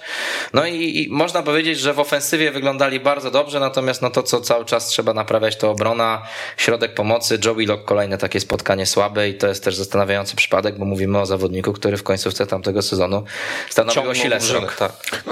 Przede wszystkim ofensywa to było coś, co się rzucało na plus, bo najwięcej strzałów w tym sezonie, najwięcej celnych strzałów, najwięcej kontaktów z piłką w polu karnym i kilka innych jeszcze takich ofensywnych statystyk, y, no najlepsze w całym sezonie, więc, więc tutaj się ruszyło, jeśli chodzi o właśnie o Newcastle, bo to jednak była taka drużyna Zabrusa, którą kojarzyliśmy z takim topornym graniem i tak, no, no ciężko się na to patrzyło, raczej najlepiej się ich mecze tam oglądało na Freskorze, czy, czy innych takich tam, kiedyś mówię, że była na telegazecie. Zazwyczaj, bo był taki mecz, pamiętamy z Manchesterem City 4 do 3, tak? Chyba zwycięstwo City wtedy, tak? Pod koniec tamtego sezonu. Maj, maj tamtego roku. Więc- E, Maj a- tego roku. Tak, tak. Co Ferran Torres hat-tricka. Tak, Pojedynczy taki, na, natomiast na, e, na pewno może martwić y, to duża liczba traconych goli. Tak sobie od razu przypominam, co się działo z Bournemouth Ediego Hała. Oni też mieli zawsze bardzo duże kłopoty w defensywie. Ponad 60 goli za każdym razem tracili. Którego tak, chyba więc... nawet 80 czy 70 parę, więc, E, e, Więc rzeczywiście to- Hał nie jest specjalistą od def- defensywy, tak jak Gerard jest. Tak No Hał tak. tutaj nie, nie specjalnie, no ale z drugiej strony, jeśli po raz pierwszy w sezonie strzelasz trzy gole w jednym meczu, no to jest jakiś zalążek tego, że, że będzie ciekawie i kibice będą, będą oglądali takie widowiska jak y, te, chociaż to wygląda przerażająco. Jedyna Właśnie jak ciągle patrzycie na drużyna bez zwycięstwa. nadal uważacie, że to jest, oni się na luzie utrzymają, bo zimą kogoś kupią i w sumie nie ma się za bardzo czym martwić? Ja Czy- uważam, że tak. Tak? Tak. Okej, no to się A nie pokłócimy, bo właśnie tak, A, myślałem, myślałem, że... Fight. Może ty patrzysz na niego, na, głó- na głównych Znaczy, kandydatów ja mam spadku. takie wrażenie, że się utrzymają, ale Jedna- nie uważam, że na spokojnie. Jedna drużyna dotąd, były cztery takie drużyny, które nie miały po 12 kolejkach ani jednego zwycięstwa i tylko jedna się utrzymała, derby. Wiecie, o o tyle to będzie wieku. trudne, że oni mają teraz bardzo trudny terminarz, tak? W najbliższym czasie, a jeszcze tych nowych zawodników nie kupili, a nawet jak kupią, potem w styczniu to jeszcze trzeba wkomponować i tak dalej, i tak dalej, więc y, zdziwiłbym się, jeśli Newcastle by spadło, ale daleki jestem od sądzenia, że to będzie spokojne. Uważam, że gdzieś może być 17-16 miejsce po takiej walce do samego końca. No i plusem jest na pewno to, że mają 5 punktów, y, tylko straty do tego bezpiecznego miejsca. Znaczy, oczywiście trzeba wygrać dwa mecze, no ale mimo wszystko to nie jest jeszcze taki ogromny, to nie jest ogromny dystans. Mm, W sumie jeśli zacznie, zaczyna, zaczęło grać lepiej Norwich, y, to, to też znaczy, w sumie należy sobie życzyć, żeby i Norwich i Newcastle grało lepiej, bo to może być też bardzo ciekawa walka o utrzymanie. No wiadomo, że na górze będzie pewnie ciekawie, jeśli chodzi o mistrzostwo, ale przynajmniej ja tam zawsze lubię tak pooglądać, który, kto ten go spadku uniknie, bo to też tworzy takie smaczki w końcówce sezonu. Czy kluczem będzie rzeczywiście to zimowe okno transferowe? Kogo oni tam y, kupią? Też tych piłkarzy nie może być za dużo, bo się zrobi taki bałagan, y, że ta drużyna się nie zdąży zgrać i będzie cały czas przegrywała, bo co innego jak kupujesz y, piłkarzy latem i masz czas, żeby ich wkomponować, bo przez trzy tygodnie czy przez nawet więcej masz okres przygotowawczy ich spokojnie wkomponowujesz, więc to będą ważne wybory, a już słyszeliśmy takie opinie, że tam nie bardzo widać jakiś plan na zarządzanie tym klubem i jakiś taki sensowny Cały czas nie ma dyrektora sportowego. a no właśnie, więc no rzeczywiście z tym, z tym spokojnym utrzymaniem to, to nie możemy mówić, ale też wierzę w to, że suma summarum się To utrzymają. był jeden z dwóch meczów w sobotę o 16, który się zakończył wynikiem 3-3. Też oszaleli piłkarze, zwłaszcza Burnley. Bo Crystal Palace to już się dało poznać ze strony takiej, że strzela gol, ale było 3-3 i Maxwell Cornell okazuje się być takim nie kwiatkiem do kożucha, tylko czymś więcej yy, na tym, prawda, przysłowiowym oborniku w Burnley. Yy, Piękne gole, piękne akcje, no i ciekawi jesteśmy, jak to się będzie dalej rozwijać, chociaż oczywiście szanujemy styl yy, ekipy Shona Dajsza. Ja tutaj tak bardzo wyolbrzymiam z tym obornikiem, panie Szonie, jakby pan gdzieś tam komuś przetłumaczył to ktoś, to ja tak żartuję tylko trochę, bo... Panie Szonie. Panie Szonie, e, no bo naprawdę trzeba powiedzieć, że mm, Burnley dzięki temu zyskuje e, utrzymanie w Premier League już od wielu, wielu lat, ale są jeszcze dwa zespoły, o których też chciałem porozmawiać, dwa zespoły czołowe o trochę innych ambicjach niż Burnley, czyli Manchester City i Tottenham, no bo dzieją się ciekawe rzeczy. Manchester City, myślę, że możemy pokazać grafikę ze statystykami Rodriego e, z tego występu wygranego z Evertonem 3 do 0, dlatego że e, uznaliśmy go jako e, kozaka kolejki, kozaka weekendu. Zastanawialiśmy się, czy Rodri, czy Kante, czy Trent Alexander-Arnold, tutaj spokojnie można było wybrać kogoś z nich, albo Emmanuel Dennis też dobry występ w Watfordzie, ale no świetnie, świetny gol, Rodriego świetny występ, no i też Everton, który no ma swoje problemy kadrowe, kompletnie zdominowany. Za dwa słowa o City po Yy, tym meczu, no bo zasługują na dużą Trzeba, pochwałę. trzeba przyznać, że to była taka rutynowa wygrana drużyny, która po prostu wychodzi wie, że musi wygrać, musi odbębnić dzień w biurze, bo tak ten mecz wyglądał. Everton kompletnie nie miał nic do powiedzenia, więc o, takie miałem wrażenie, od około 60 minuty, tam 70 to już tak Manchester City już takie było, no kiedy ten mecz się skończy? Ale widzisz, to jest dla nich różnica było- między nimi a Liverpoolem, który zawsze dąży, żeby strzelać kolejne gole. No tak, ale to jakby ja nie krytykuję. Nie, nie, to- Te, też nie krytykujesz. Nie, Manchesteru no, City wygrali, to wygrali. mają za chwilę mecz z PSG, trzeba trochę ekonomiczniej zarządzać tutaj e, zespołem, także e, naprawdę, znaczy żal trochę było patrzeć, jak bardzo bezradny jest Everton i, i Rafa Benitez też już w pewnym momencie siedział po prostu na tej ławce i tak patrzył tylko i no i co miał zrobić? Znaczy co do Evertonu, to ja przeczytałem takie fajne zdanie też gdzieś w angielskich mediach, że on trochę płaci za błędy przeszłości, no bo to jest przerażające, jak taki klub jak Everton, który wydał pół, milion, pół miliarda funtów w zarządu Farada Moshiriego, może mieć tak słabą ławkę, gdzie sam Benitez latem wydał niecałe 2 miliony funtów, bo jego najdroższy Benitez jest transfer... więcej wart niż tam... To jest Demarai Gray, tak? On akurat nie zrobił żadnych kosztownych transferów i oczywiście ma problemy, no bo nie ma kręgosłupa, nie ma Miny,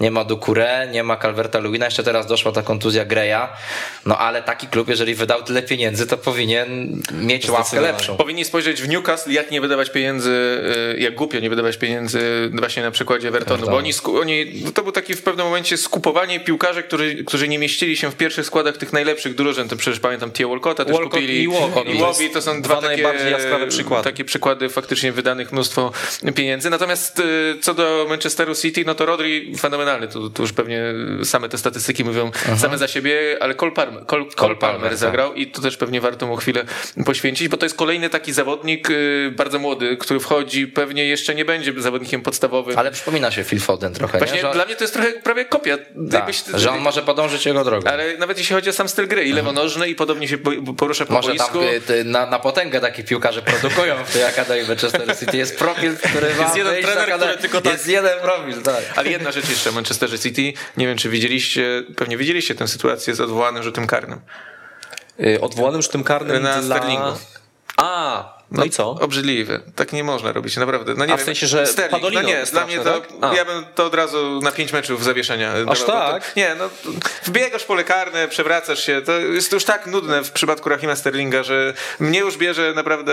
No wiesz, na euro, na euro się to sprawdziło, to może ma doświadczenie. No ja wiem, ale to nie, Nie, wiem, no, ja, ale ja bym to- to tępił, znaczy i- i- i dobrze, to- że jest VAR i dobrze, że I to to odwołali, jeszcze to jest... zepsuł niezłe wrażenie po tym występie, no bo akurat strzelił tutaj gola, oczywiście dużo zrobiło podania, ale dla niego no jest ważne, żeby te gole strzelać, bo mu się kończy kontrakt nie po tym, tylko po następnym sezonie, no i wiemy, że akurat on po tym Euro, no oczekiwano trochę po nim więcej w Manchester City, tak samo John Stones, tak, znowu jakieś takie odrodzenie kolejne w ostatnim czasie, tak jak w zeszłym sezonie o nim mówiliśmy, że stanowił o sile defensywy, która przecież była bardzo mocna, grał z tym Rubenem Diaszem niemal wszystko, no to tutaj początek sezonu siedział na ławce, no i kolejny występ Wraca, i, wraca, i można tak. powiedzieć, że wygląda nieźle. E, Natomiast co do Tottenhamu, zwycięstwo doda jednego z Leeds, no może być zadowolony Antonio Conte, ale tylko z drugiej połowy, bo w pierwszej wyglądało to jednak fatalnie dla kogutów. No, Antonio Conte y, taki, rzadko się, chyba to rzadko się zdarza, y, powiedział, że zasłużyli na gwizdy po pierwszej połowie. To Czyli zawsze... inaczej niż Rogers. Zawsze, tak, zawsze trener raczej właśnie tak w stylu Rogersa broni, no, no tak, no, tam pogwizdali kibice, ale może powinni bardziej nas wspierać. Nie powiedział, tak, zasłużyliśmy, więc y, wychodzi ten taki charakter Antonio Conte, który jest taki surowy dla swoich piłkarzy, ale no na pewno ta druga połowa lepsza, to, to był ten moment, kiedy oni jeszcze w pierwszej połowie przecież nie oddali celnego strzału, więc ten ta Licznik li- bił. Ten licznik bił, tam chyba 280 minut jakoś i w 46 minucie już była groźna akcja, czyli było widać, że naprawdę musiało się dziać w szatni, bo oni na tę drugą połowę wyszli naprawdę tacy bardzo zmobilizowani, chyba nie zdążyła minąć minuta, już tam e, bramkarz Leeds musiał bronić taki groźny strzał, chyba Harry'ego Kane'a z, z boku pola karnego, więc e, no ważna jest dla nich reakcja i to, że potrafili właśnie wyciągnąć takie spotkanie, w którym no nie grali wielkiej piłki, ale koniec końców kończą z trzema punktami. No Conte to cieszył się po tym meczu, jakby Ligę Mistrzów co najmniej zdobył. I, I ja rozumiem go, bo rzeczywiście to był ważny mecz, ważne trzy punkty. Śmiem twierdzić, że gdyby trenerem był dalej Nuno Espirito Santo, to by nie odrobili tej straty. Też, tak śmiem twierdzić. A to mówisz, że się Łatwo cieszy, rzucić- cieszył po meczu. Po meczu, W trakcie po meczu jeszcze tam, wiesz, mobilizował no publiczność tak, i tak, tak, dalej. tak. Takie było widać, że on lubi kon- w kontakcie z Ale widać, że już zyskują ci piłkarze, którzy mieli zyskać, czyli region, tak? No uważam, że Tak. chyba najlepszy No, zawodnik znakomity. Tottenhamu, Natomiast- wahadłowy. Natomiast też wiemy, co robił podczas przerwy na reprezentację Deli Ali. Był u fryzjera. Widzieliście, jak, jak, jaką fryzurkę sobie zafundował. Ale wracając jeszcze do... Dlatego do... środek pola akurat w Tottenhamie cały czas zawodzi. Heiberg powiemy, że rzeczywiście tak mentalnie zespół podniósł, no bo strzelił gola, no ale w pierwszej połowie, czy to e, on tam w środku pola, czy Harry Winks zwłaszcza, no to, no to nie funkcjonował po prostu ten środek pola Tottenhamu. Brakowało takiego szybszego rozegrania. Mnie ciekawi na przykład historia i sytuacja, jak to dalej się potoczy z Dombele, tak? No bo to jest akurat zawodnik, który no mało gra za konta, a spodziewaliśmy się, że będzie grał więcej. No i znowu y, Conte tam taką uszczypliwość dał mu, powiedział, że to musi, to jest zawodnik, który musi więcej grać dla drużyny, a nie dla siebie. Kolejny Więc- trener, biedny to jest ten kolejny trener, który był... Ale być może właśnie sobie zasłużył. Ale i za Mourinho się tam odbudowywał później i za Nuno, mimo że to była krótka kadencja Nuno, to Dombele zdążył być i rugany przez Nuno i potem największą gwiazdą tego klubu. Natomiast jest. słuchajcie, niesamowita jest jed- jedna rzecz, że e, Antonio Conte, no a propos tej surowości, o której po powiedziałeś, e, tam tak wziął piłkarzy w obroty y, Antonio Conte. Oni tak ciężko trenują, że niektórzy wymiotują na treningach. Jest rzeczywiście, ponieważ Antonio Conte uznał, że piłkarze niektórzy mają nadwagę, są źle przygotowani i trzeba ich po prostu ostro wziąć do, do roboty. Niektórzy wymiotują i nawet jest, słuchajcie, coś takiego jak dzwonek wstydu na, na treningu, czyli taki dzwoneczek, w którym jeśli piłkarz naprawdę już nie, nie, nie jest w stanie wykrzesać z siebie więcej, bo już jest tak zmęczony, to ma podbiec i w ten dzwonek uderzyć. Więc wiecie, jak piłkarz ma coś takiego zrobić, przyznać się, zadzwonić, jestem zmęczony, to tego nie zrobi. Więc to jest też taka psychologiczna zagrywka, no ale Antonio Conte widać, że po prostu Ale ostro tam... przynosi to efekty, bo średnio za Nuno w meczu biegali równe 100 km, a teraz w meczu z Leeds 112 i są dopiero drugą drużyną w tym sezonie, która przebiegła w meczu z Leeds więcej niż Leeds, które biega dużo. Bo Leeds 108, y, Tottenham 112, czyli no, pokazuje, że ta intensywność, być może to coraz lepsze przygotowanie, bo chyba też sporo było zmian w klubowym menu. Tam też... Tak, y, Nie ma keczupu, nie ma majonezu. tak, i paru innych przysmaków jeszcze dla, dla piłkarzy, więc to, a to też pokazuje, patrzcie, Tottenham jest jednak takim klubem, Koniec, który ma... skończył się dzień dziecka. Tottenham klubem, który jednak ma duże ambicje, jakby nowoczesny ośrodek treningowy, piękny stadion, a potem musi przechodzić kątę i ustalać dietę. Nie mówisz, piłkarzy. A, a, a, a Barcelonalu Paula I Tonego Adamsa. tak? Gdzie są nasze batony? Mają, to- mają nadwagę, ketchup, majonez, Tak, no jakby tak. to, to pokazuje, że czasem my myślimy o tych klubach, że to są jakieś najlepiej zarządzane kluby świata, a tak naprawdę tosty z ketchupem tam. No to, no to zobaczmy moją drużynę fantazy, bo też taka punktacja, jakby też ta drużyna miała nadwagę, nie ukrywam w ostatniej kolejce, mimo tego, że tam był Salah choćby i nie wygląda jakby miał nadwagę, ale tutaj oczywiście zakończymy sobie klasycznym segmentem e, z ukochanej ligi wszystkich fanów Premier League, która uczy i bawi. No 49 punktów, jak widać szału nie ma. Miałem dwa transfery do dyspozycji przed tą kolejką, ciężko wypracowane oszczędzanie, no i Walker się sprawdził jako transfer, ale Son już trochę mniej. No a Ruben Diaz, który wydawało się, że może być filarem obrony Manchesteru City, w tym meczu akurat usiadł na ławce, zmienił go Shane Duffy, gdzie Brighton sobie nie poradziło. Juan Antonio skuteczni niezwykle, e, także, także no powiedzmy, że mogłoby być lepiej, zwłaszcza jak spojrzymy na skład redaktora Uczaka. No widzisz, y, mój skład nie tosty z ketchupem, a sałatka z tofu chyba, bo naprawdę zobacz, Jarek, co on 80 zrobił. punktów. Zobacz, co on co zrobił. to jest? No wiesz, On tu nie pasuje. po naszej, po naszej wymianie wiadomości w e, piątkowe popołudnie, jak sobie przypominaliśmy mecze Liverpoolu z Arsenalem, od razu postanowiłem na kapitana dać Sadio Mane. To była decyzja, wiesz, spontaniczna, ale okazała się bardzo skuteczna i, i wytrzymałem. Ale jako obrona, jako Bardzo obrona. mnie kusiło, żeby zmienić Toneja, ale tak chciałem mu dać jeszcze jedną szansę i, i to wypaliło w ogóle. Ivan, Ivan Tony też ukarał dawnych pracodawców, bo przecież w Newcastle też mu kiedyś powiedzieli, słuchaj, no ty, już, ja to, ty już to nie a pos... ja trochę jak taki mini Watford zrobiło United. Tak, no, no tak, plus Cancelo i Aleksander Arnold to, to też duża liczba punktów w obronie, więc no tak, wypaliło. Chyba pierwszy raz w tym sezonie, aż tak, bardzo. A ja ile mam punktów? Ja nawet nie wiem. A zobacz sobie, ile 30 masz. mam chyba, co? Masz trochę o, mniej ode mnie fajnie. nawet, Dobrze. ale biorąc pod uwagę te twoje ograniczenia, to tak jakbyś No, miał więcej. Anglicy sami, przypominam tym, którzy nie, nie wiedzą. Nie wiadomo, czy Southgate zmieści Aleksandra Arnolda i Jamesa, ale ty ich mieścisz. Na stoperku, a ja, na stoperze. Na stoperze. Oni wszystkich dogonią, nikim nie ucieknie. I Louis Dunk na prawej obronie. Natomiast zwracam uwagę na mojego kapitana. Przeszarżowałem, jakoś tak uwierzyłem w magię Eddie'ego Howa, który... Ale zobacz, okazuje się, że Newcastle może strzelić trzy gole w meczu i ani jednego No Callum właśnie i, i byłem bardzo zdziwiony, że tak się stało, ale liczyłem, że Howe, Howe, Eddie Howe nie tylko dlatego, że w ogóle dwa tygodnie pracuje z tą drużyną, ale też to jest były przecież trener y, Wilsona z, z Bormów, więc uznałem, że to połączenie sprawi, że będą gole, no niestety ich nie było. Kupiłem Gallaghera, więc fajnie, bo też y, asysta. Bardzo ładny asystent. w E. Bardzo ładna asysta. E, No i to, co muszę zmienić, to no Inksa chyba czas się pozbyć. No bo, No ja no bo też ten mecz mówiliśmy o tym, że, że kiepsko mu wypadł. I, I nie wiem, może tam Oli Watkins, może to No. jest już teraz taka opcja. Tak. Albo ktoś, ktoś inny, no zobaczymy. Jeszcze Wardy też mnie rozczarowuje. Czekam na moment, kiedy mogę kupić Harry'ego Kane'a i ten mecz ostatni znowu mnie nie przekonał, bo Harry Kane akurat zagrał tak sobie. Nie Harry Kane to jest bilans, jakby ktoś przed sezonem mi powiedział, że po 11 meczach będzie miał jednego gola, no to bym A chyba w kadrze strzelił 7 w ostatnich To dwóch bym meczach. chyba w kaftan pakował. Mi się wydaje, że to już wtedy nie było miejsca na litość, nie tylko razu jak ty wygadujesz.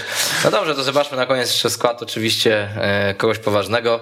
E, lider naszej ligi okazuje się nawet więcej punktów niż Maciek, który wydawał się, że wykręcił niesamowity wynik. No obrona, by powiedział, tak jakby to była czwórka jakichś super atakujących, tak jak był Firmino, Salah, Mane i Coutinho w jednym momencie w Liverpoolu przez jakiś czas. No tutaj super czwórka. Oczywiście z przodu Adam Armstrong myślę, że ciekawy wybór również a propos napastnika, no bo Southamptonowi tak idzie raz lepiej, raz gorzej, no ale chłopak strzela gole w tym sezonie. Anglik jest. Czy nie? A no chyba tak, tak, no, no tak, no, chyba się tak. Bo, albo Szkot, ale nie, wydaje mi się, że Anglik. się, że Wydaje mi się, że No Armstrong Anglik. sprawdzę. Spra- tak, tutaj selekcjoner, y, że tak powiem, reprezentacji Anglii, nasz y, y, kanałowy, czyli Jarek Koliński na pewno będzie sprawdzał, więc gratulujemy i tam no, walka idzie na noże, bo chyba o jeden punkt tylko Łukasz wyprzedza drugiego zawodnika i chyba drugie miejsce w ogóle wśród wszystkich Polaków, także cały czas okazuje się, że mądrzy Polacy są wśród nas. E, dobrze, dobrnęliśmy do szczęśliwego końca. Fajnie E, Dopłynęliśmy do szczęśliwego końca. Tutaj mi podpowiada nasz wydawca, że Armstrong angielski piłkarz na O, pewno, więc dzięki. Jarku, wiesz co będziesz robił dzisiaj po powrocie do domu. E, Maciek Kuczak, TVP Sport. Dziękuję. Jarek Koliński, Przegląd Bardzo Sportowy. dziękuję. Ja nazywam się Wojciech Piela, to był program Futbol Bloody Hell i do zobaczenia za tydzień. Weszło FM. Najlepsze radio sportowe.